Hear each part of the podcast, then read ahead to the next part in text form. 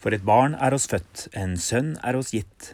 Herreveldet er lagt på hans skulder. Han har fått navnet Fredsfyrste. Den mannen som satt på Davids trone i fødselsåret til Jesus, var ingen fredsfyrste.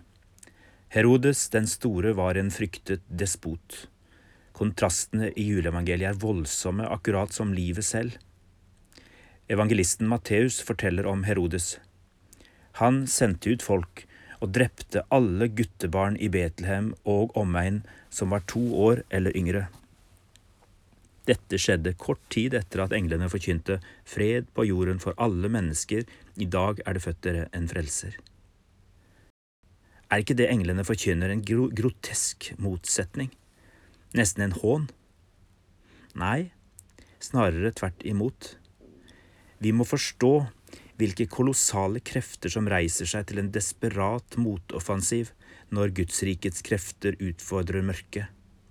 Vi må slutte å overraskes over hvilken enorm trussel Guds nærvær i kjøtt og blod utgjør for ondskapen, for truede tyranner, for alle som kjenner sin makt truet av rettferdighet og godhet. Maktmisbrukernes frykt og raseri rammer de aller svakeste av de svake. Det skjedde i Betlehem. Det skjer mange steder i vår verden nå.